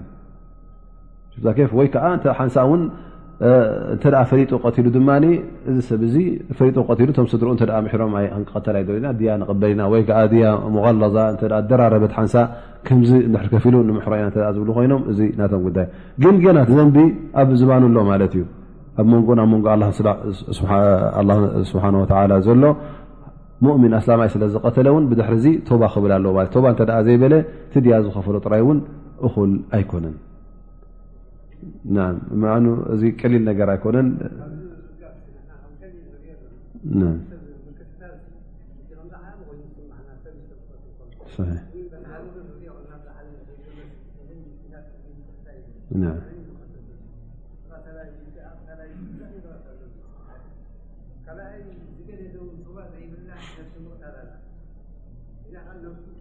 ነፍሱ ዝቐትል ድማ ዝኸፍአ ድማ ዝበእሰ ን ኣስላማይ ኮይኑ ነፍሲ እስላማይ የሕልፍ ኣሎ ማለት እዩ እዚኣ ድማ ናይ ቶባ ዕድል የብላን ማለት እዩ ምክንያቱ እዚ ሰብ እዚ ነፍሲ ክሕልፍ እንከሎ ብድሕሪኣ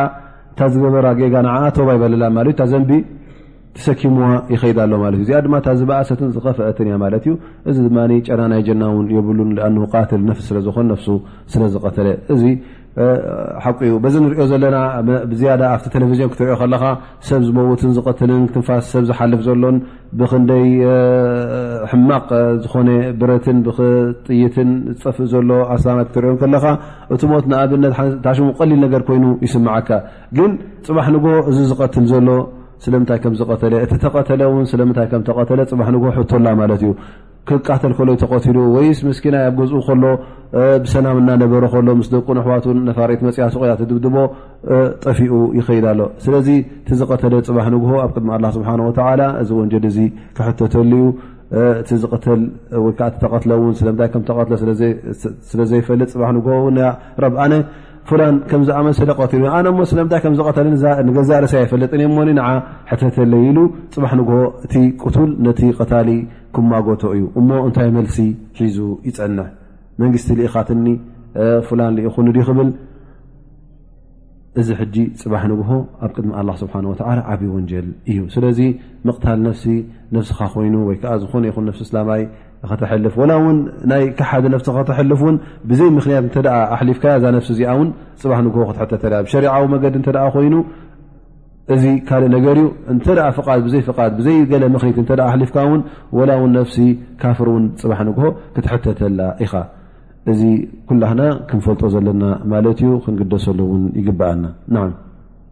ይ ፋኢዳ ዝሓዝናዮ ሎም መዓልቲ ናብኡ ንመሓላለፍ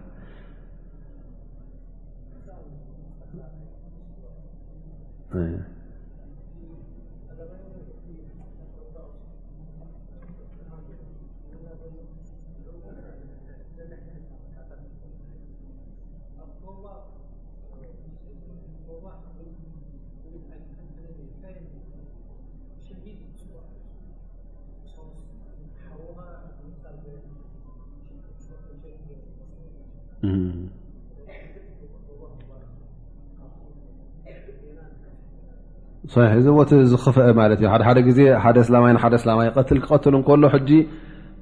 ኣብ ቅኑዕ ዘሎ ኮይኑ ይስምዖ በል እዚ ዝገብሮ ዘሎ ፊ ሰቢልላ ወይከዓ ሊላ ኢለ ዝገብሮ ዘለኹ ተተቐተልኩ እውን ሸሂድየ ዝብል ሰብ እውን ኣይሰኣንን እዩ እንታይ ማለት እዩ ሕጂ እዚ እቲ ጉዳይ ኣላ ስብሓን ወተላ ኣብርህቦ እንከሎ ኣብዚ ጌጋ እዚ ዝወድቕ ሰብ ብሽም ዲን ወይ ከዓ ብሽም ምስልምና ብሽም ጅሃድ ኮይኑ ብሽም ከምዚ እውን ኣብዚ ከምዝኣመሰለ ውን ጌጋ ክወድቕ ይኽእል እዩ ስለዚ እንታይ እዩ ዘርእየና ዘሎ ማለት እዩ እዚ ጌጋ እዚ ቀሊል ኣይኮነን ዝኾነ ይኹን ኣስላማይ ክትቀትል ከለካ ብጣዕሚ ክትጥንቀቕ ኣለካ ክትፈልጥ ኣለካ ትፍርዱን ትውሳኔኡን እንታይ ከም ዝኾነ እንታይ ከም ትገብር ዘለካስ ክትርዳእ ኣለካ ማለት እዩ እምበር ናይ ሽም ዝሓዝካ ኣነ መገዲ ሓቂ ሒዘ ኣለኹ ጥራይ ኢልካ ንዝኾነ ሰብ ንክትቀትል እውን ኣይተፈቐደካን እንተ መገዲ ሓቂ ሒዝካ ኣለካ ኮይንካ እውን ነቲ ትቐትሎ ዘለካ ብሓቂን ብመገድን ብሸሪዓን ክትቀትሎ ኣለካ ዳኣ እምበረይ ነዚ ሰብ እዚ ብዘይ ሕግን ብዘይ ኣላ ስብሓን ወተላ ዘየፍቀዶን መሰረት ንክትቀትሎ ፈፂሙ ኣይፍቀደካን እዩ ስለዚ እቲ ትብገሶ ዘለኻን እቲ ሒዝካዮ ዘለኻን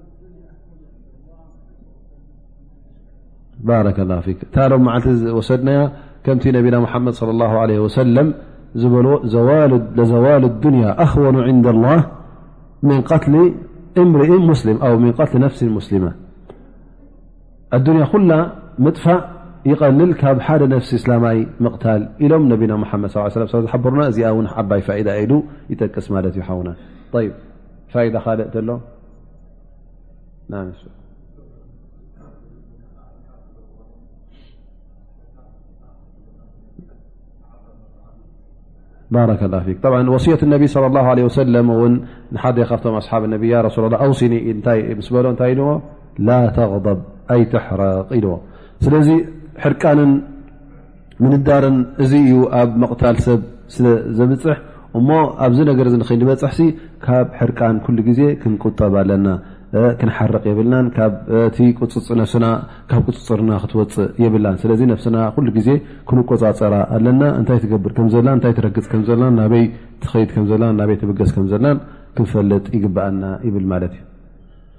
ና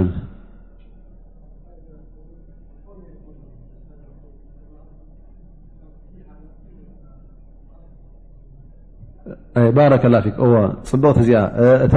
ኣላ ስብሓ ሓዲስ ዝጠቐስናያ ማለት እዩ እቲ ዝኾነት ነፍሲ ኣስላማይ ክትቀተል ከም ዘይብላ ሓራም ከም ምኳና እንተ ደኣ ክቐተል ኮይኑ ድማ ጌጋታት ተን ወንጀል ዝገበረን ጠቒስናያ ነርና እሞ ዝኾነ ይኹን ኣስላማይ እንተ ደኣ ዘቕትል ወንጀል ገይሩ ባዕልካ ይኮንካ ንትውስኖ እንታይ ደኣ መይ ዝውስኖ እቲ መራሒ ዓዲ ሃገር ዘመሓድር ዘሎ እሱ እዩ ዝውስኖ እምበር ብኢደ ወነነኻ እዚ ንክቅተል ዘቕትል ነገር ገይሩ ኢልካ ባዕልካ ብኢደ ወነነኻ ክትቀትል ኣይፍቀደካን እዩ እንታይ ደኣ ካበይ ክትወስድ ኣለካ ፍቓድ ካብቲ መራሒ ዓዲ ክትወስድ ኣለካ ማለት እዩ ኣቁሉ ቀውሊ ሃ ኣስኣል ላ ስብሓን ወተላ ኣን የንፋዕና ብማ ሰሚዕና ኣን ዩዓሊመና ማ የንፋዑና ወሰለ ላ ዓላ ነብይና ሙሓመድ ዓላ ኣሊ ወሳሕቢ ወሰለመ ኣጅማዒን